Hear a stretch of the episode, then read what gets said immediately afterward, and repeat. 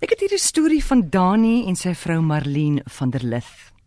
Dit begin so: Dani skryf 'n brief. Hy sê Marlene en haar oorlede man is in 1990 aan soeke vir 'n huis om te koop. So terloops hierdie brief kom uit Namibië. Hy sê uit drie huise wat aangebied word, het hulle net oor vir een wat behoort aan 'n oom Tielman van Lille en sy vrou. En hulle koop toe die huis.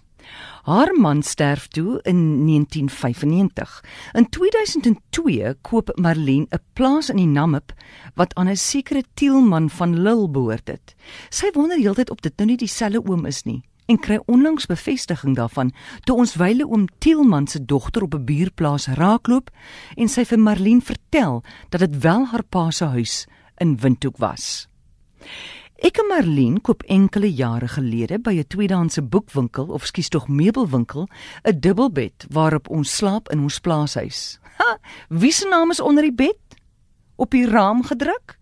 Oom Tielman van Lille.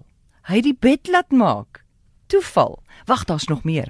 Ek en Marlene begin 'n verhouding na die dood van my vrou en seun in 1996.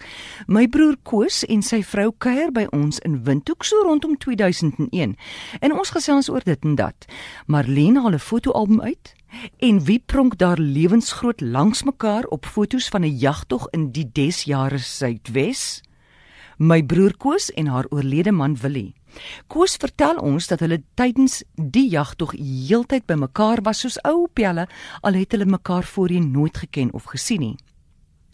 My en Marlene se paaie het van 1976 langs mekaar geloop.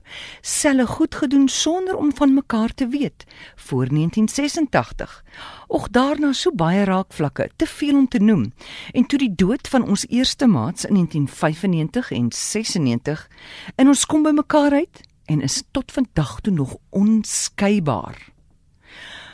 As ons nie van beter geweet het nie, sou ons dalk wou sê die heelal het vooraf besluit om ons bymekaar te kry. Maar waarskynlikheidsleer en die beginsels van statistiek vertel ons 'n ander verhaal. Jammer. Maar dis presies dit, Dani. Dis nie toeval nie, dit is toeval lig.